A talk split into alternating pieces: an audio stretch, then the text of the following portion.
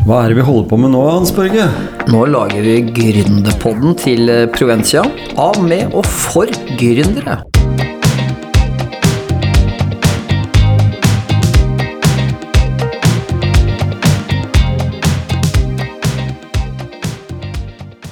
Nå trår vi til med episode nummer to, Hans Børge, i Gründerpodden Provencia her. Yes. Og um, nå sikta vi skikkelig høyt. Vi eh, sikta på en veldig profilert eh, gründer.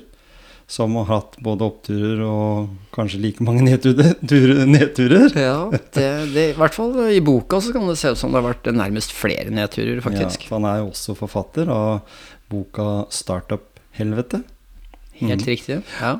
Vi snakker om Nicolai Prytz. ja.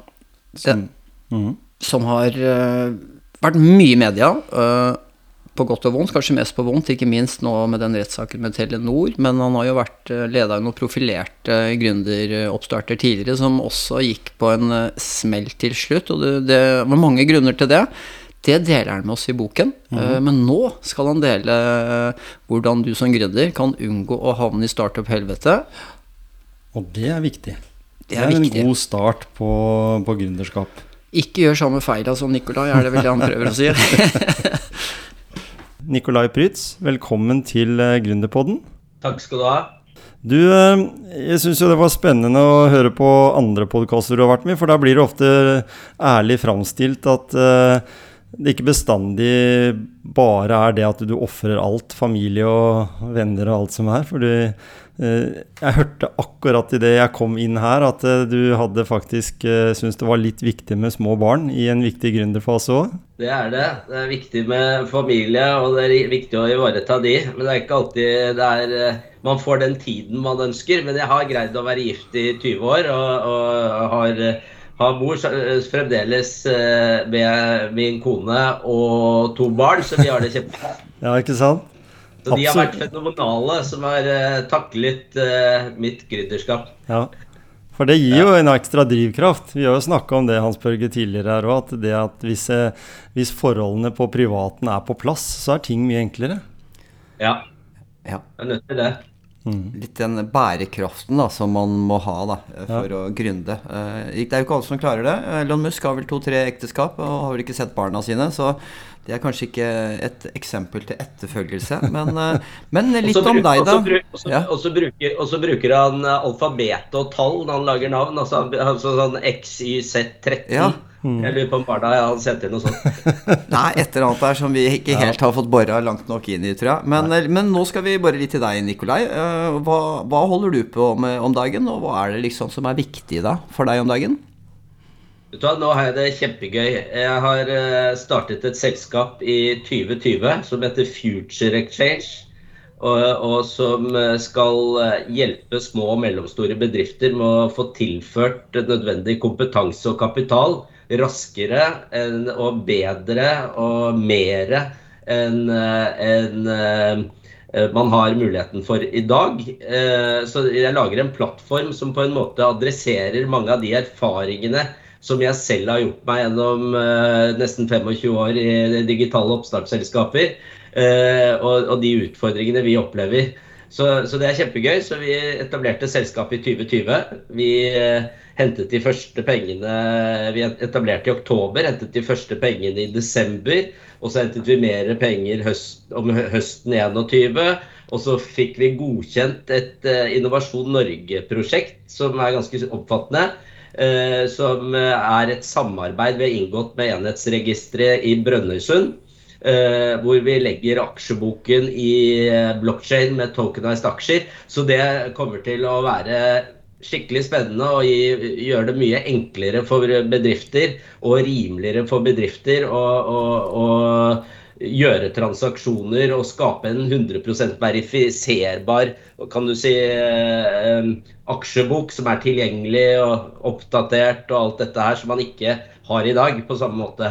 Så, vi, det er, så vi har det kjempegøy om dagen og, og, og jobber på. Men det er jo startup-helvete litt hele tiden, fordi at du får utfordringer annenhver time, og det er armer og bein og masse mennesker, og man skal samkjøre forskjellige fagkompetanser. og Det er jo sånn når du starter opp, da da ryker det bak deg hele tiden. Og sånn er det jo her òg. Så jeg bruker mye tid i møter og men, koordineringsmøter. Men med litt erfaring, da. Jeg ser for meg deg, Har du sett han Michelin-mannen som, som, bouncer de som går ned, og så bare bouncer han rett opp igjen? Mm, -hmm. Du er litt uh, som han, egentlig. Du, du, der ned, også er du opp igjen med, med nye prosjekter. Ja, men det er, det, normalt så er jeg født optimist og positiv, heldigvis. Men, eh, men, eh, det jeg opplevde i 2017, da tok det ikke så lang tid å komme seg opp. Så det kommer litt an på hvilken situasjon man er i. Og nå har jeg vært gründer såpass lenge at jeg har opplevd det derre fra å gå fra å identifisere deg selv med selskapets organisasjonsnummer ikke er så smart. Eh, det lønner seg å, å tenke sånn at eh, man gjør sitt beste, og ingen kan kreve noe mer. Og, og er du for tidlig et eller annet som skjer som ikke egentlig man kan så mye for, så, så, og, og, ting ikke går sånn som man hadde håpet, Eh, så må man ikke identifisere seg for sterkt da med selskapet. Man, man, må være, Det er den måten jeg i hvert fall har kommet frem til at det er best å det er enklest å gå videre da, istedenfor å bli for, for tight. Eh, at du ser på deg selv som selskapet. For feiler selskapet da, så har jo du feilet. Mm. Og det trenger du ikke å ha gjort. Så du har jo fått masse erfaringer som ikke du hadde fra før av, som man alltid får når man prøver noe nytt. Og det, når man skaper noe fra ingenting og i usikkerhet, så er det å gå helt nye veier. Veier som ingen har gått før deg. Og så skal du øh, Og, så, og da, det som skjer da, er at du skaper erfaringer som neste gang kan være ekstremt nyttig. Når, når, når, du da kommer med helt unike perspektiver inn i møter med andre mennesker og deres unike perspektiver. Og det er da innovasjon skjer, og det er da skapelse skjer. Og, og, så er det noen av de som går til helvete på første klasse, og noen av de som virkelig lykkes. Og i Norge så ser man jo stadig flere selskaper som lykkes nå, og det er kjempebra. For man er på vei til å få mer modne aksjonærer. Eh, mer modne eh, gründere også, vil jeg si. Eh, og mer forståelse, eh, selv om det er langt å gå igjen før man har det optimalt eh, også for gründeren i Norge. Men, men, kan du kalle det å svelge noen kameler når du bygger opp en eh, bedrift? For du har jo nevnt litt på det her tidligere at eh, det å komme ut i eh, markedet, og så er det noen som gjerne vil være med på, på løpet, da, og så for å få det til, da må vi gjøre visse endringer. Det, jeg, jeg, er sånn som gründer sjøl at jeg tror jeg har den beste ideen bestandig. Ikke, jeg har ikke blitt rik av det, for å si det sånn. Nei, og det er jo, det er jo uh, alltid skummelt eh, at man er kjempeforelsket i denne ideen man mm. har, og så, og så, prøver man å få den til altfor lenge, f.eks. Eller man syns alle som mener at den ikke er bra, er dumme. Eh, alt det der. Så, så, et av kapitlene i den boken jeg har skrevet om gründerskap, heter jo 'Kill your darlings'. Og det er en evne som om man ikke kan den fra før av, så lærer man den ekstremt kjapt i oppstart. fordi at eh, du, du, du, du ser at hvis ikke du evner å, å, ta livet av egne ideer, så, så, kan det veldig raskt gå veldig galt. Mm. Mens, så alt, alt egentlig gründerskap handler om evne til endring. Det gjør også livet, hvis du tenker etter. Alt endrer seg, ingenting er konstant. Uh, og du havner i forskjellige situasjoner og må ta forskjellige valg. Og Derfor er det også veldig farlig å, å, for mennesker å si at uh, følg your passion, og min passion er ideen min, liksom. Mm. Ja, den, den er, det er min passion. Den ideen, det organisasjonsnummer, det selskapet. Uh, og, og det, jeg mener, det, sånne ting er, er for meg kan fort bli at ikke man er så endringsdyktig. For, fordi passion bør jo være å leve livet på en måte som gir deg og andre verdi. Mm. Og, og, og, det får du jo til først og fremst når, hvis du evner å endre deg, tenker jeg. Men vi, vi har kalt podkasten 'Unngå startup-helvete' denne gangen, uh, siden du har skrevet boken 'Startup-helvete'. Uh, men hvor, hvor, hvordan, er det, hvordan er det der, da? Du har jo vært der, og hvilke tanker og følelser er det som er på besøk da? Ja, det er litt forskjellig, selvfølgelig avhengig av situasjoner. Altså, Du har jo det der helt sånn normale uh, som kan bli veldig helvete. I, hvis, du, hvis, du, er veldig stresset over lengre tid, så blir du litt mer skjør enn det du ellers er. Og det, det er jo gjerne sånn i gründerverdenen, og særlig med ansvaret du har penger du tar inn, ansvar for investorer, ansvar for ansatte og osv. Så, så, så, for, så går det hele tiden med masse tanker. Eh, og der vil jeg jo si at eh, der må, er det viktig å huske på at man kan faktisk være bevisst tankene sine litt. Fordi det er ofte at eh, man, hører, man, man, liksom tenker at kanskje å, jeg er ikke flink nok, eller jeg har ikke gjort nok, eller gjorde jeg det? Ikke sant? Alt dette her, vi, vi er våre største kritikere. Nei, kritiker selv, uh, de fleste av oss. Og, og, da, med mindre du er litt sånn narsissistisk psykopat, da, da, er du kanskje ikke det så mye, men, men normale, normale, mennesker. Og da, da gjelder det på en måte å, å kontrollere det. Så har du krisesituasjoner og krisesituasjoner er jo litt sånn som enkelte merket under covid. Eh, da er det mange som opplever krise samtidig, og da er hele samfunnet der. Og da er det lemping på regler, økning i støtter og vi skal ikke måte på. Mens når, når, når selskaper har en krise, det betyr at du, havner, du er en gründer, og selskapet går over, evne, går over ende, slik eh, mitt selskap gjorde da vi ble ødelagt av Telenor i 2017 så er det jo ingen som uh, kommer med en, uh, et sikkerhetsnett eller spesialløsninger og sånn. Det er tvert om. Uh, hvis du er blakk pga. en sånn situasjon, så, så, får du trusselbrev fra, fra Altinn om mm. tvangsnedleggelse. Du får forsinkelsesgebyrer. du får inkassokrav, for alle selger jo regningene sine, så da øker man regningene på alle, alle disse gründerne som er i midlertidige kriser. Og, og, og, på en måte så er det oppskriften på å kjøre folk eh, til helvete. Altså, og, det, og, det, er jo litt av det jeg opplevde etter eh, Telenor-saken, hvor vi, vi, vi, var nødt til å få prøve eh, å, å, få en kompensasjon fra Telenor, fordi de hadde mente vi stjålet vår forretningsidé og, og utnyttet konfidensiell informasjon. Og vi eh, fikk ikke finansiering av investorer før vi hadde avklart det sporet, fordi det var så grovt det de hadde gjort. Eh, så, så vi, vi, fikk en dom til slutt som sa at de opererte på grensen av det illojale og dermed ulovlige, men at terskelen for illojalitet er høy i norsk rettspraksis. Men at det var nødvendig for oss å få prøvd saken fordi vi var ødelagt. Eh, så, det, retten sa, var at terskelen for råttenskap er veldig høy.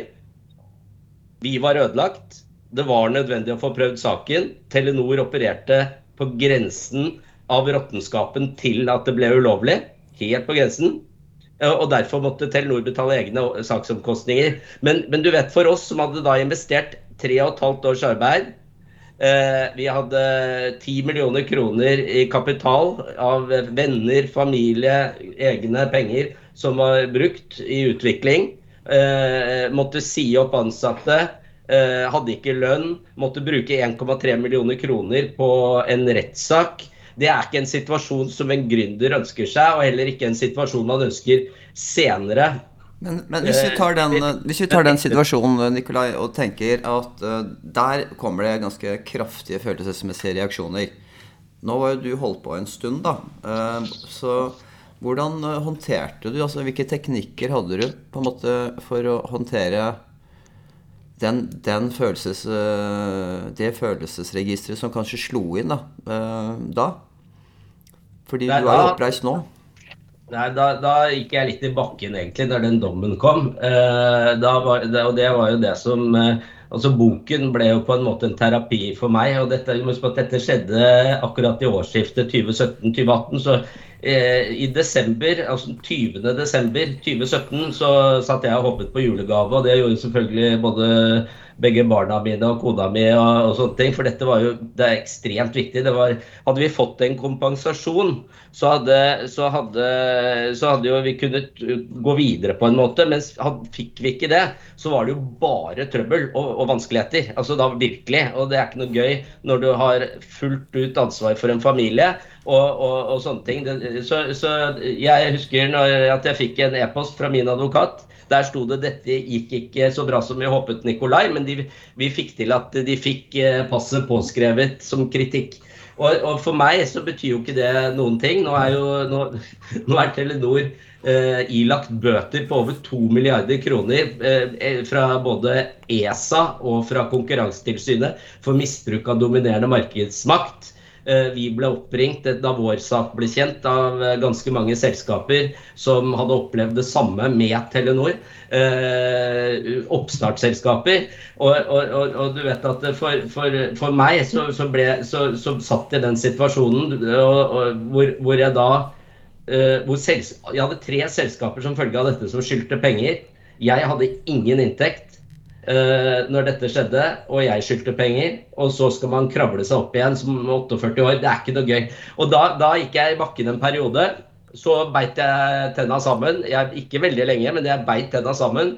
Og, og så bestemte jeg meg for at jeg kan ikke konsentrere meg på det som ikke er konstruktivt. Det betyr at når jeg blir bombardert med e-poster e fra Altinn eller fra inkassobyråer eller noe sånt noe, og ikke har muligheten til å gjøre noe med det nå, så må jeg bare legge det bort. Men jeg kan ikke da legge meg på sofaen og si at livet er kjipt.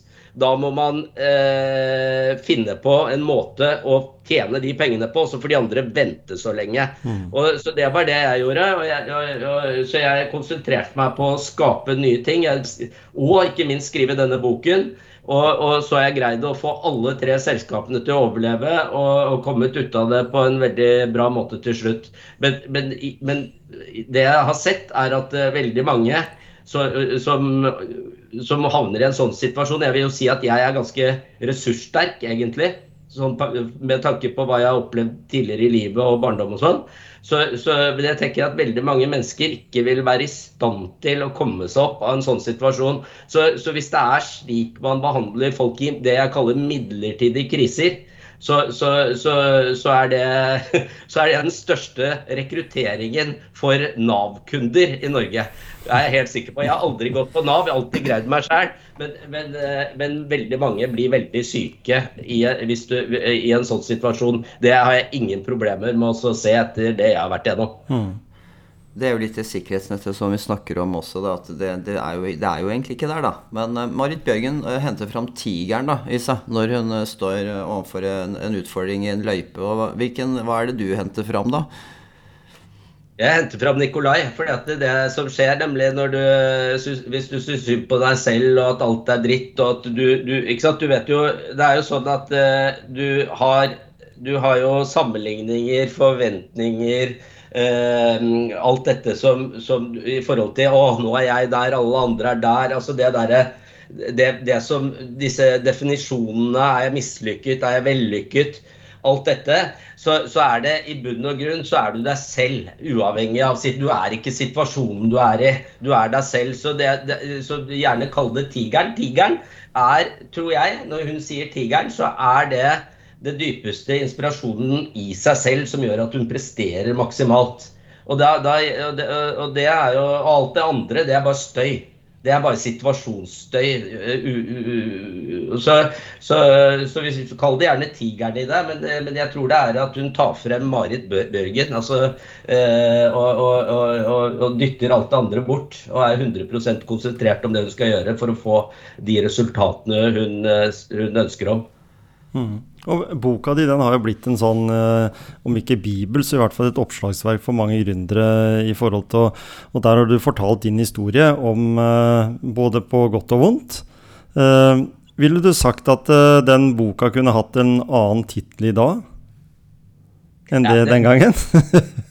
nei, altså, nei, egentlig ikke. Altså, jeg tenker jo startup-helvete er jo eh, er jo eh, begge deler, holdt jeg på å si. Altså, for du har ikke det ekstremt spennende der du ikke har nedsiden. Sånn er det jo som regel.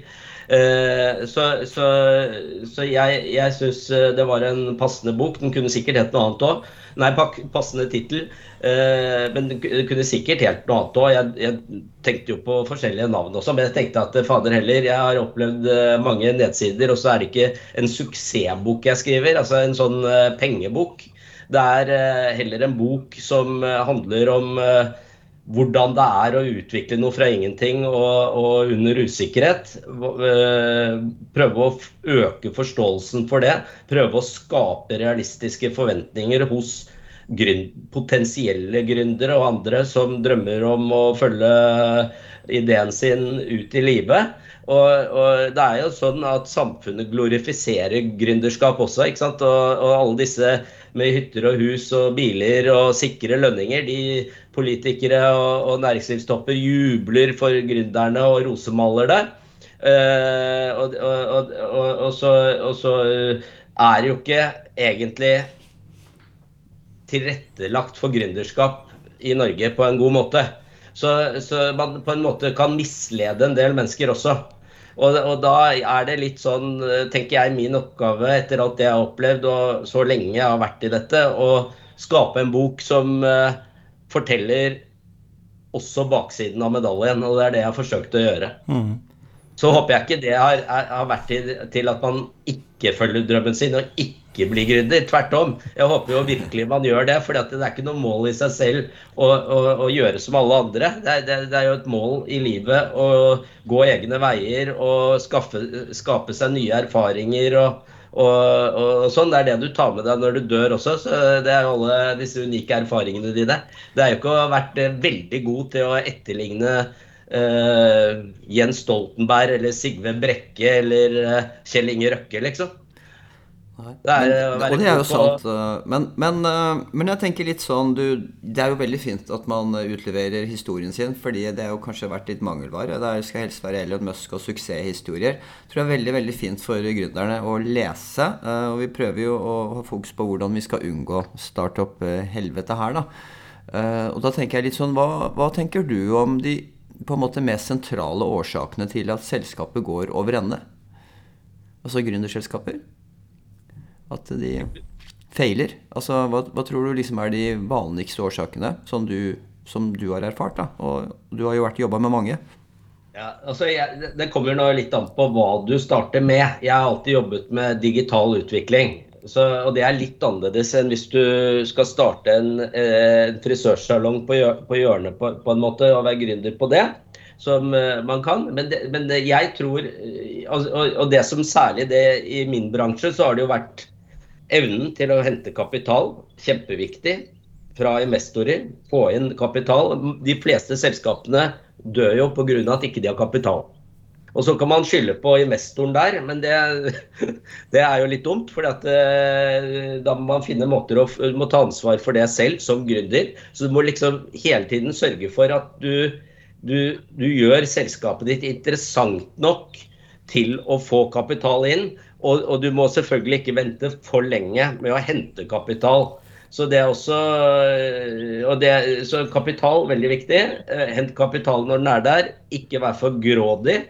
Og, og hent gjerne kapital fra de du mener kan være med på å bringe selskapet ditt fremover. Altså kompetent kapital eh, som gir deg nettverk og erfaring, kontakter, alt dette her.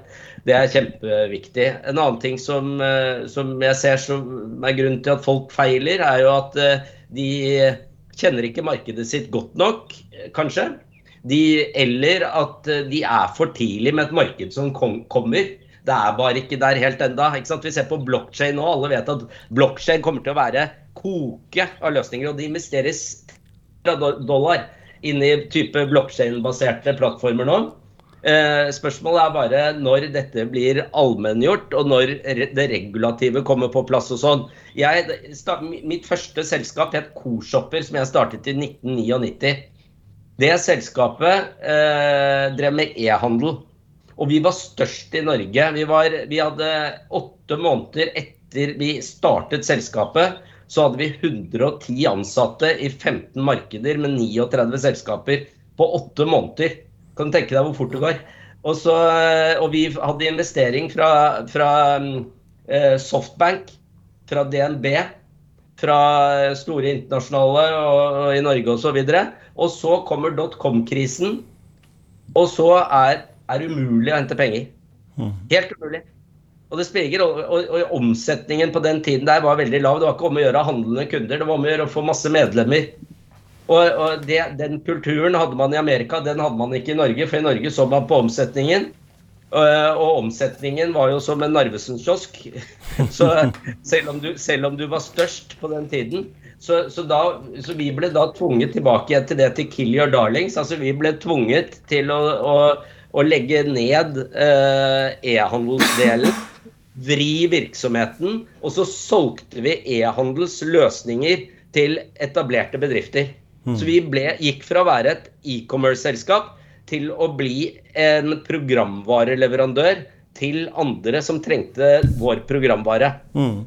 Vi hadde jo kompetansen på og utviklerne og, og, og sånne ting. Så, så, og, så, det som er litt morsomt når man ser på det selskapet, er jo at det startet som EANO, ble programvareselskap, og i dag er et software as a service-selskap.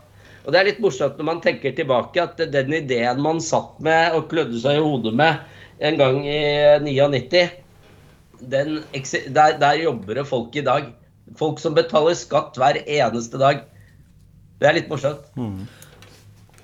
det er litt av det som er gleden når man starter noe, da. Ja, ikke sant? Og en sånn utvikling som det der er jo litt der du er i dag òg, eller? Altså i forhold til den virksomheten. Nå bruker du eh, egentlig kompetansen din eh, til å hjelpe andre på en måte. Det er litt sånn som Provencia sitter her og hjelper gründere til å kanskje korte inn den veien da, som, som er eh, helvetes humplete vei for å komme fram til, til en, eh, en, en, bedrift som du For det, det, er vel litt med det når du er en gründer, så tenker jeg i hvert fall Jeg er ikke så opptatt av å tjene grassat med penger, men det er dritgøy å ansette folk. Få folk i jobb.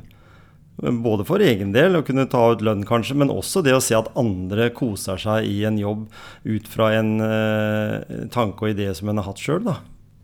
Det er, akkur det er, akkurat det. ikke sant? Du har jo, du har jo Jeg, jeg synes jo Til det siste du sa nå, så har du jo sånn som Ferd sosiale entreprenører, f.eks. Altså Sosialt entreprenørskap har jo blitt veldig stort. Og det, det er jo De har jo Du kan si Det er jo folk som prøver å, å som har både et sosialt og et økonomisk eh, mål eh, samtidig. Mm. Eh, og det er ikke alltid de er lønnsomme engang. Det er ikke alltid det går å lage det lønnsomt, men, men likevel så bruker de all tid på å prøve å skape en bedre løsning. Og det er mange eksempler på det. Et av de eksemplene er eh, dette Asperger-selskapet eh, fra han danske og en dansk gründer som, som, som var pappa til en med Aspergers. Så hadde på, og han fikk høre at det var ikke noe fremtid for gutten sin. Og, og, så fant, og, så hadde de vært på kjøretur gjennom hele Europa, og så kommer de hjem. Og da hadde han sittet bak baksetet med europakartet. Og så tegnet han opp hele europakartet. altså De fant tegninger fra europakartet. Det, det lå i bilen, men han hadde husket alt og husket numrene på veiene. Everything. Så, så, så da ble han så imponert at han, at han startet et selskap som, eh, og fant arbeidsoppgaver som passet den type gruppe mennesker. Mm. Og det er, utro, det er, utrolig givende. Så han var jo kjempegründer, vil jeg si. Så du kan ha gründerskap med økonomiske mål, som er eh, å tjene masse penger, som er jo også et viktig mål, å skape bærekraftig forretningsmodell. Men, men, like viktig er jo å, å skape type Å ha, ha entreprenører som, som, som, også har andre mål enn bare å tjene penger. Mm. Det, det, tror jeg liksom du finner de som bare er opptatt av penger, og det er sikkert en del like av de òg. Og så har du de som er opptatt av å lykkes, tjene penger og få anerkjennelse. Og så er du opptatt av de som uh, som uh, syns det er kjempegøy å jobbe sammen med andre og være i team. Og det er egentlig ikke viktig om man er dagleder eller ansatt eller hva man er. Så, eh, så ja, alle slags type folk. Ja, ikke sant? Det er mange, mange grunner til å gründe. Eh, mm. Mange har forskjellige misjoner og visjoner osv. Men, men du hadde jo en bestefar en gang som fortalte deg at de, de samme som svikta landet under krigen, de, de fins der ennå, bare med en annen dress. Og så tenker jeg at eh, du gikk eh, jo kanskje på en smell med Telenor, kanskje stolte på feil folk. Eh, mens gründere da generelt sett skal jo i utgangspunktet samhandle med veldig mange mennesker for å komme i mål. Enten det er produksjonsbedrifter eller markedsrelaterte bedrifter, eller som du, da, et strategisk samarbeid med Telenor. Uh, så, mm. Men tenker du at en gründer skal være veldig, veldig skeptisk til andre mennesker, eller hvordan tenker du at de skal forholde seg til partnere og, og, og samarbeidspartnere? Det, det, er et kjempebra spørsmål, og det er, det er veldig vanskelig å, å det er veldig vanskelig å, å, kunne gi veldig konkrete råd på det. Annet enn at uh, jeg kan si hvor, hva som fungerer for meg. For jeg har opplevd det jeg har opplevd. Så du skulle jo tro at jeg var dritredd for å snakke om dette med noen. Uh, det jeg holder på med. Men, men, jeg har kommet til at jeg, jeg, må kunne, jeg, må i utgangspunktet forsøke å stole på folk. Jeg, men ikke være naiv. Trenger ikke å fortelle alt. Kan ta det litt stegvis. Være enda tydeligere kanskje på, på i avtaleverk. Jeg hadde riktignok en konfidensialitetsavtale med Teledor, likevel så opptrådde de på den måten de gjorde. Men, men, eh, men man kan aldri, aldri, helt beskytte seg. Og sånn er jo livet litt òg. Altså, man kan velge feil eh, partner eller kone eller uh, whatever. Altså, man, man, er jo ikke garantert, men bare ikke være helt naiv. Blåøyd, tenker jeg. Men jeg tror deling er viktig. Jeg tror det er viktig. Var en av poengene mine her. Og dette er innmari viktig, det jeg skal si nå. Det er at uh, den tiden vi nå går inn i, den åpner for masse muligheter for gründere. Men også, også, også for store selskaper. Store selskaper som ikke investerer tungt i usikkerhet, de er ikke sikkert vi ser om ti år på børslistene våre. Eh, må? Så, så, vi går inn i en tid. Nå har vi det grønne skiftet. Vi har den digitale transformasjonen. Vi har eksponentiell økning i teknologiske fremskritt. Eller våre teknologiske evner, hvor vi skal bli 35 ganger mer teknologisk avansert om fem år enn i dag. 1000 ganger om ti år. En million ganger om 20 år. Den er eksponentiell. Og, i, og når, vi, når vi har både det og ustabiliteten i verden så, så, må, så, så, må, bedrifter, både små og store, investere i innovasjon, fornyelse, for ikke å bli utradert. Og da, og da kan du se at i en sånn fremtid, i en sånn verden som vi, å, som vi er i på en måte nå, så, så er en opptreden hvor man eh, som ikke er bygget på egen Som er, som er litt sånn eh, i gråsonen på, på, hva man eh, du, er litt, du er litt du, er, du, du, får et litt sånn kjipt rykte. Eh, det, som et stort selskap, f.eks. Eh, Telenor. Hvis så, så, blir det jo, Da har de fått bøter for å misbruke dominerende markedsmakt og vært i rettssak med meg, og det er sikkert uh, masse andre svin på skogen òg. Og, og, og, og, hvis ikke du pleier det gode ryktet så, med, med raushet, med forståelse, med respekt for de du har rundt deg, så er det veldig lett at du går glipp av milliardideer. Milliardideer som ikke blir delt med deg. Og det er veldig dumt. sånn at jeg, jeg, tenker, jeg tror at uh, de, fleste bedrifter uh, vil være tjent med å opptre bedre i den fremtiden vi går De ser seg tjent med å opptre på en ryddig måte. Og, så, og Derfor tenker jeg også at også er det nødvendig å ha en delingskultur. Det er nødvendig å dele informasjon hvis du skal kunne få en partner. Så, så, så her, er, her, går det begge veier, og, og, derfor er det litt viktig med litt raushet og ordentlighet. Det er litt sånn, sånn som når man var i barnehagen. Altså det, du, da hørte du at du skal ikke stjele fra noen, og ikke rappe og ikke slå. Ikke sant? Sånne ting. Å ta med deg det Hvis så lenge man har det i ryggmargen, så, så, bør dette gå ganske greit. Så det er et eller annet med at uh, så, så det er to ting som teller her. Det ene det er at de store bedriftene har et spesielt ansvar. De må slå knallhardt ned på en oppførsel på grensen til det ulovlige. De skal være godt under grensen til det ulovlige. Og det andre det er at gründere de må tørre, for mulighetene har aldri vært større enn nå. Man vet ikke hvem som er topper listene på børsen om ti år fra i dag. Det er veldig vanskelig å spå. 80% av verdens mest verdifulle selskaper det er i dag digitale plattformselskaper. Type Amazon, Google, Facebook, alle disse svære gigantene. Tencent, Alibaba osv. 80% av verdens mest verdifulle selskaper de er digitale plattformselskaper. Ingen er fra Europa av de. McKinsey sier at 35% av verdensøkonomien, 60, 60 trillioner dollar, vil foregå over digitale plattformer innen 2025. Det er, det er tre år til. Mm. Så det, det du sier da, er at denne råvaregreiene ja, Og så sier de samtidig at 2% av våre bedrifter, etablerte bedrifter, har implementert det man kaller en effektiv plattformstrategi. Så det, og det er ganske skummelt hvis man tenker på at vi ønsker oss et bærekraftig næringsliv i fremtiden. Det er kjempeskummelt. Uh, og, og, da tenker jeg at da må topplederne tenke annerledes. Altså de som er i de store selskapene må tenke annerledes. Styrene deres må tenke annerledes. Aksjonærene deres er nødt til å tenke annerledes. Fordi hvis du bare er en utbyttemaskin, så blir det mindre og mindre og mindre og mindre utbytte. Og til slutt så er du utradert. Hvis ikke du tar og gjør og tar mindre utbytte nå, investerer mer i innovasjon, mer i fornyelse. Og det, da må du gjøre det reelt og ikke late som. Mm. Og, og, det når du sier det der med at vi nå er i, vært i en tid Du har jo nevnt litt med det med, tidligere med korona, at det på en måte er jo mange, deriblant deg, som har jobba under koronastrategi hele, hele din gründertid.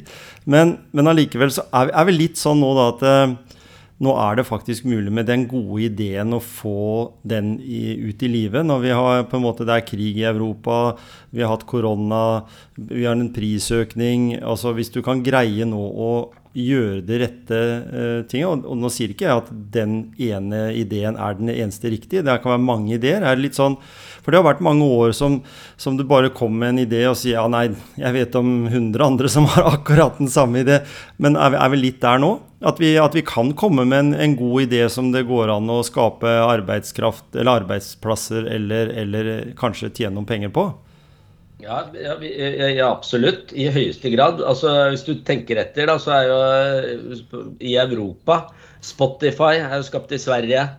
Du har Zalando, du har Delivery Hero, du har Tribago fra Tyskland. ikke sant? Du har mm. Rightmove og du har Skyscanner og sånne ting fra UK.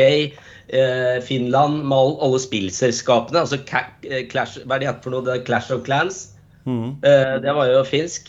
Eh, du har, I Norge så har du ikke Hoot har Automate og du har Spacemaker og sånne ting som har lykkes grassat. Så, så, så absolutt mulighetene er der, og mulighetene er kjempestore. Og, og, og, vi går inn i en tid nå hvor data blir kjempeviktig. Ikke sant? Alt, alt, analyse av data, det å bruke data til å kunne ta beslutninger innen jordbruk, innen helse, innen hva som helst. Og, og det som er, det som er litt, litt faren hittil. eller som er, det, det, har vært modenheten, sånn som du sier, er tiden inne. Eh, modenhet, eh, altså 90% av alle digitale investeringer som er gjort, har ikke bidratt positivt på bunnlinjen til selskapene. Det har ikke bidratt til profitt, det er kostnader. Eh, 90% av europeiske investeringer digitalt. og Det, det, det er verdt å merke seg at eh, hvorfor, hvorfor er det sånn? Og, og en av, Hører du meg? Gjør det. Ja. Og hvorfor er det sånn? Og en av grunnene til at det er slik, det er, tror jeg, er at man har denne tuetenkingen.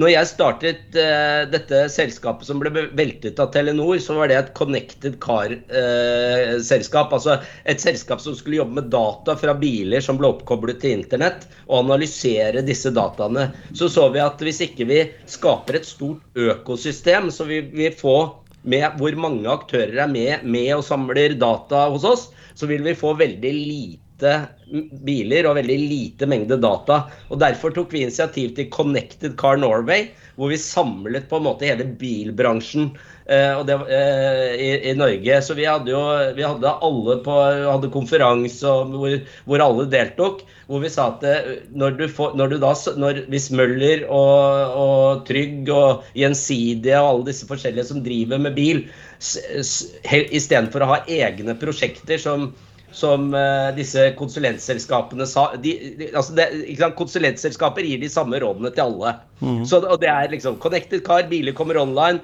Alle bør starte med dette. Det er det i realiteten de sier. Og, og gå ut og utvikle, og så rulle ut uh, stor løsning.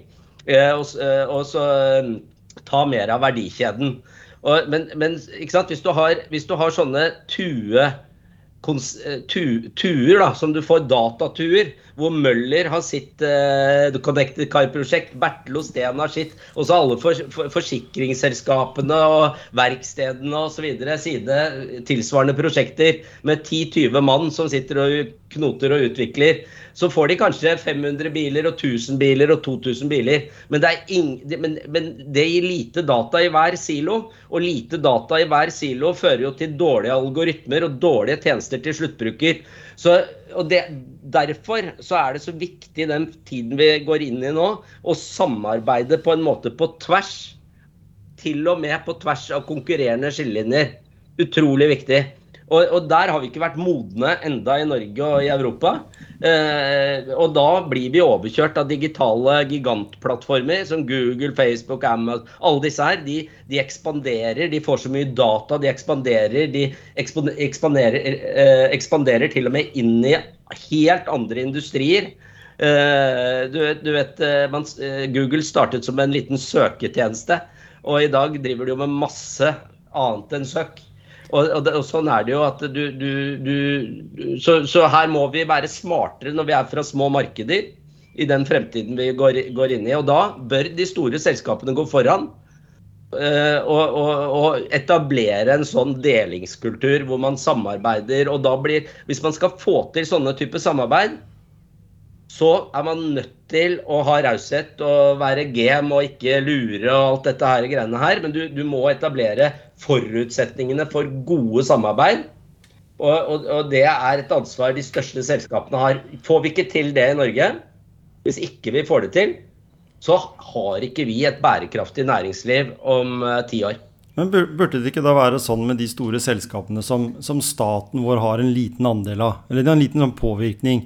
De, de tar ut uh, fortjenester av type Statoil, du sier Telenor, andre sånne store selskaper. Burde det ikke egentlig vært en sånn nøkkelsfordeling på det overskuddet de har, som skulle gå videre til etablering av uh, gode ideer, altså, altså gründerskap, da, istedenfor at det blir en sånn gründerhelvete å være i gjennom Altinn eller Skatteetaten eller hva det måtte være. At, det, at du får en sånn lita startpakke. Ja, dette må jo hvert, hvert, eneste selskap må, eh, av disse store må jo aksjonærene deres må jo bestemme alt sånt selv. Ikke sant? Eh, og så, så Det er det ene. Det andre, sånn at dette er en modning. altså Jeg tror ikke man får noe valg, ja. rett og slett. Så, så, det er en modning. Du ser jo Vips har jo greid å, altså DNB greide jo å invitere inn alle bankene i Norge som eiere i Vips.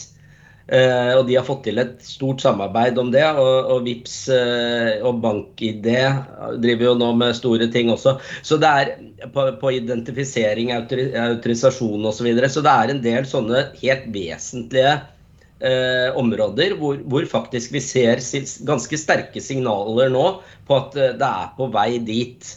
så det er, det er, jo positivt. Og så har det jo i tillegg, altså når det gjelder gründerskap og sånn, så har man jo ikke sant? Det eh, vet dere jo, men det alt fra Innovasjon Norge til Forskningsrådet til mange forskjellige virkemidler i, i, i det offentlige apparatet da, som, som hjelper, hjelper, mindre prosjekter, gründerbedrifter osv.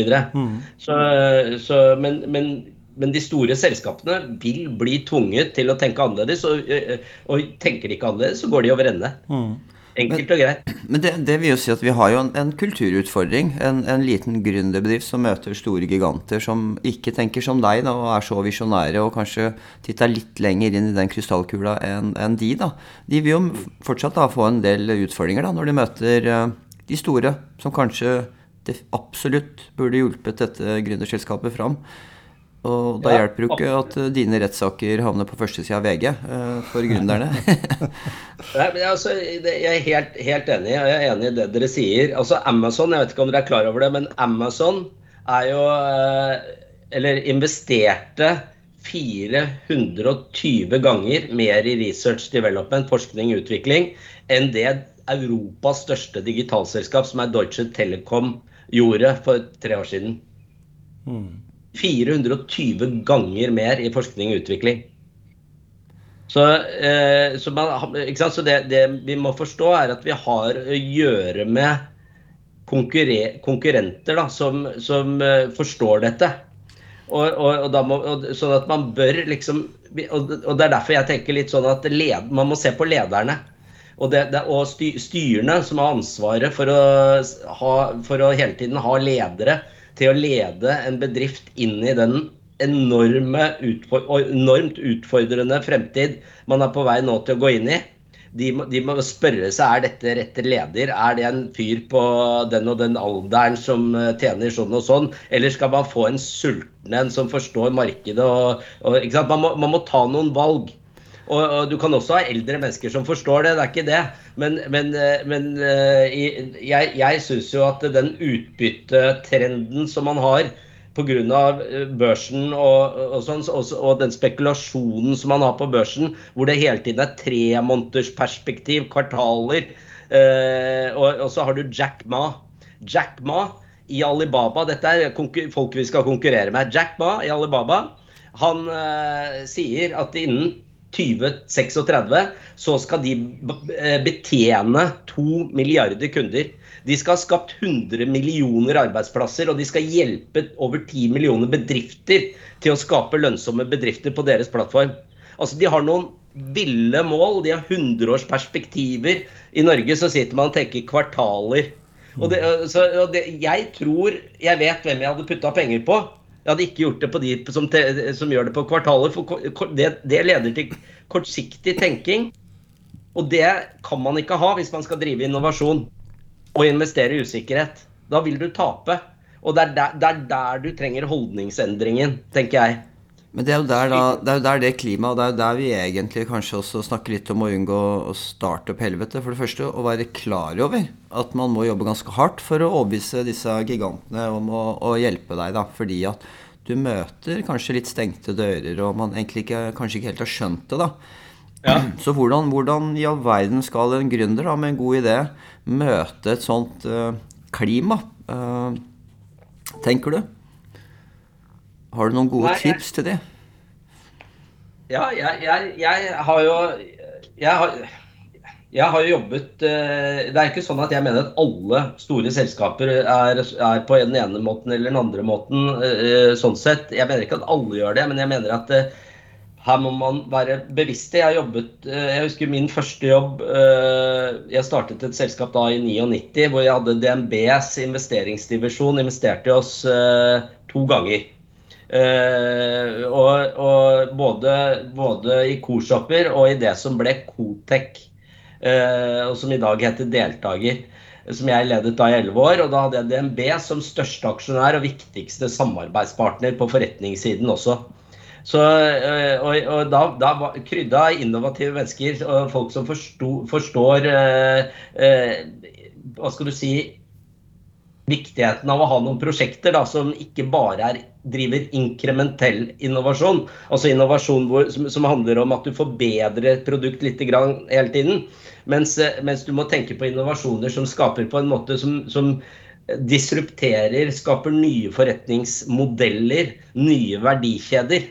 Uh, som utfordrer liksom hele måten alt funker på. Mm. Og det, det, er jo litt av det som uh, man har man, Det er det som de virkelig de, Vi vet ikke hva som er de største selskapene om ti år i dag. ikke sant? Og det, er de bettene der man må være villig til å prøve å ta.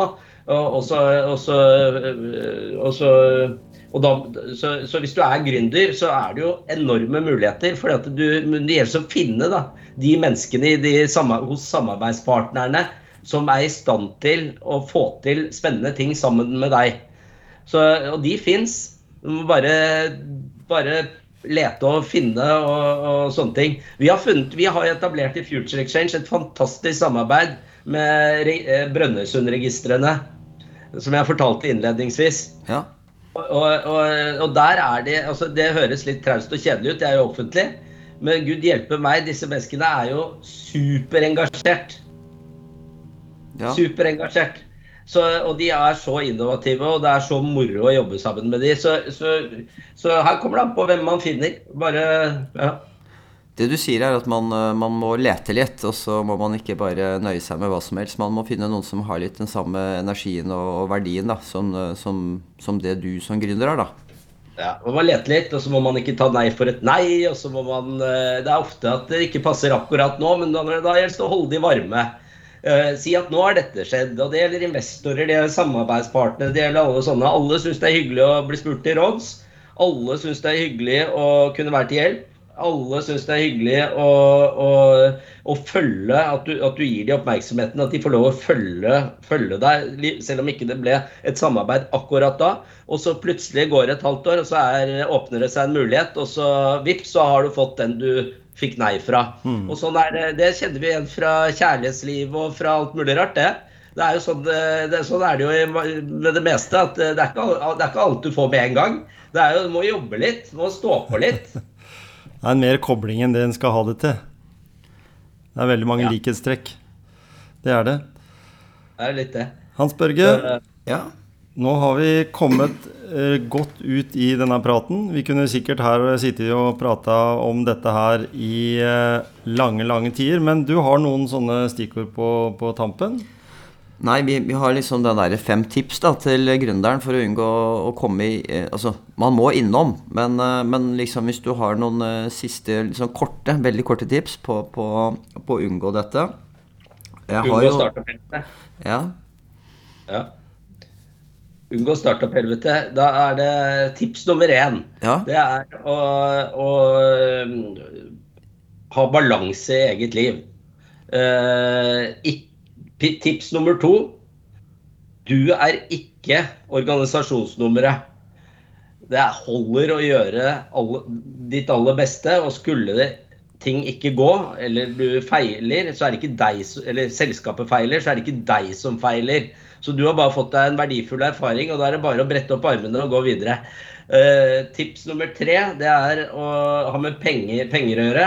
Det er å ikke være grådig Uh, sørge for å, og, og, og, både gi oppside til de du jobber med, eh, samtidig som du eh, tar pengene når de er der, for ellers kan du angre. Nå er vi midt i, på vei inn i resesjon og krisetid, og da, da, da, er sånne ting innmari viktig å huske på. Mm. Så er det jo å tenke verdifulle partnerskap, kortsiktige partnerskap. Eh, langsiktige partnerskap og ha prosesser i gang som gjør det interessant for Som pirrer nysgjerrigheten hos investorer. Selv om ikke du har en avtale signert. Bare det at du prosessen er i gang, interessen er der, du er i prosess, så kan det slå ut positivt eh, på, på selskapet ditt i forhold til deltakelse. Så det er, det er rett og slett å ha mange baller i luften hele tiden. Vær etterrettelig Eh, ikke lur deg selv. Og, og, og, og, så tror jeg man får det ganske, ganske gøy som uh, gründer. Da er det bare nummer fem igjen, Nikolai. Ja. Det ja. siste, og da er det sånn trommevirvel. kill, your, kill your darlings. Ja. ja. Den hadde jeg notert meg her, faktisk. Så, men det kom, da. Det var jo bra. Jeg tror det er viktig òg. Vi, vi, må ikke forfølge ting helt ut i grøfta. Det, det, men det krever jo litt kompetanse, det òg. Og så I den tiden vi går inn i nå, så er det viktig å huske på at uh, For nå er det krisetid, og det kan bli litt uh, humpete og sånne ting. Men er, penger, penger, er det alltid der ute et eller annet sted. Og, og, man skal aldri glemme at PayPal ble skapt i, i en eh, finanskrise, altså i 1998. Du skal huske at Sendesk, eh, Dropbox, Worldstream, den type selskaper var i under finanskrisen i 2007. Da, og Groupon, WhatsApp Uber, Slack, alle disse selskapene var sånne kriseselskaper. Uh, Uber også. Eh, altså Uber og dette andre selskapet Airbnb. Det startet jo for, fordi folk hadde dårlig råd. Uh, så ga de vanlige folk en mulighet til å tjene en slant ekstra. Mm. Så da, da, fikk de jo ordentlig drive. Så, så, det å være kreativ i krisetid, det er kanskje den aller beste tiden å starte et selskap på. Mm. Og nå er vi litt krisetid, er vi ikke det? Vi, ikke, vi har ikke nok innovasjonskraft i Norge. Vi har ikke nok gründerkraft. Så, så, vi må egentlig bare stå på, vi som jobber med gründere. Mm. Uh, du gjør det jo også. Og det jeg sitter litt igjen med som en sånn kort oppsummering her, er egentlig det at uh, gründerne skal faktisk bare gå ut der og være enda mer stolte av det de holder på med. selge det enda hardere igjen, fordi de sitter faktisk på en god del konsepter, produkter, som verden trenger, og som faktisk de bedriftene som, som er i Norge, trenger. Så Ja. eh, ha ordentlig hevet hode er vel egentlig litt det jeg sitter igjen med etter den praten. Altså. Å være stolt. Veldig bra, bra. Det var kjempetopp. Jeg, jeg må jo si at jeg er enda mer motivert. Jeg er nå til å være eh, Altså, du vekter litt gründeren i meg. Tigeren. Tigeren. Den kom der. Så bra. Så bra. Jeg hadde, ikke, hadde jeg ikke skrevet boken 'Startup-helvete' med den tittelen, så hadde jeg jo ikke vært her. Nei, ikke sant? For så vidt sant. Skal ha litt catchy tittel. Uh. Ja. Men det var utrolig hyggelig at du stilte opp. Og det, det, gikk, det her gikk fort. Den tida her gikk veldig fort. Altfor alt for fort. I godt selskap så er det alltid sånn. Så Tusen takk for at du Ja. ville være med i Gründerpodden. tusen eh, hjertelig takk. Og masse lykke til videre.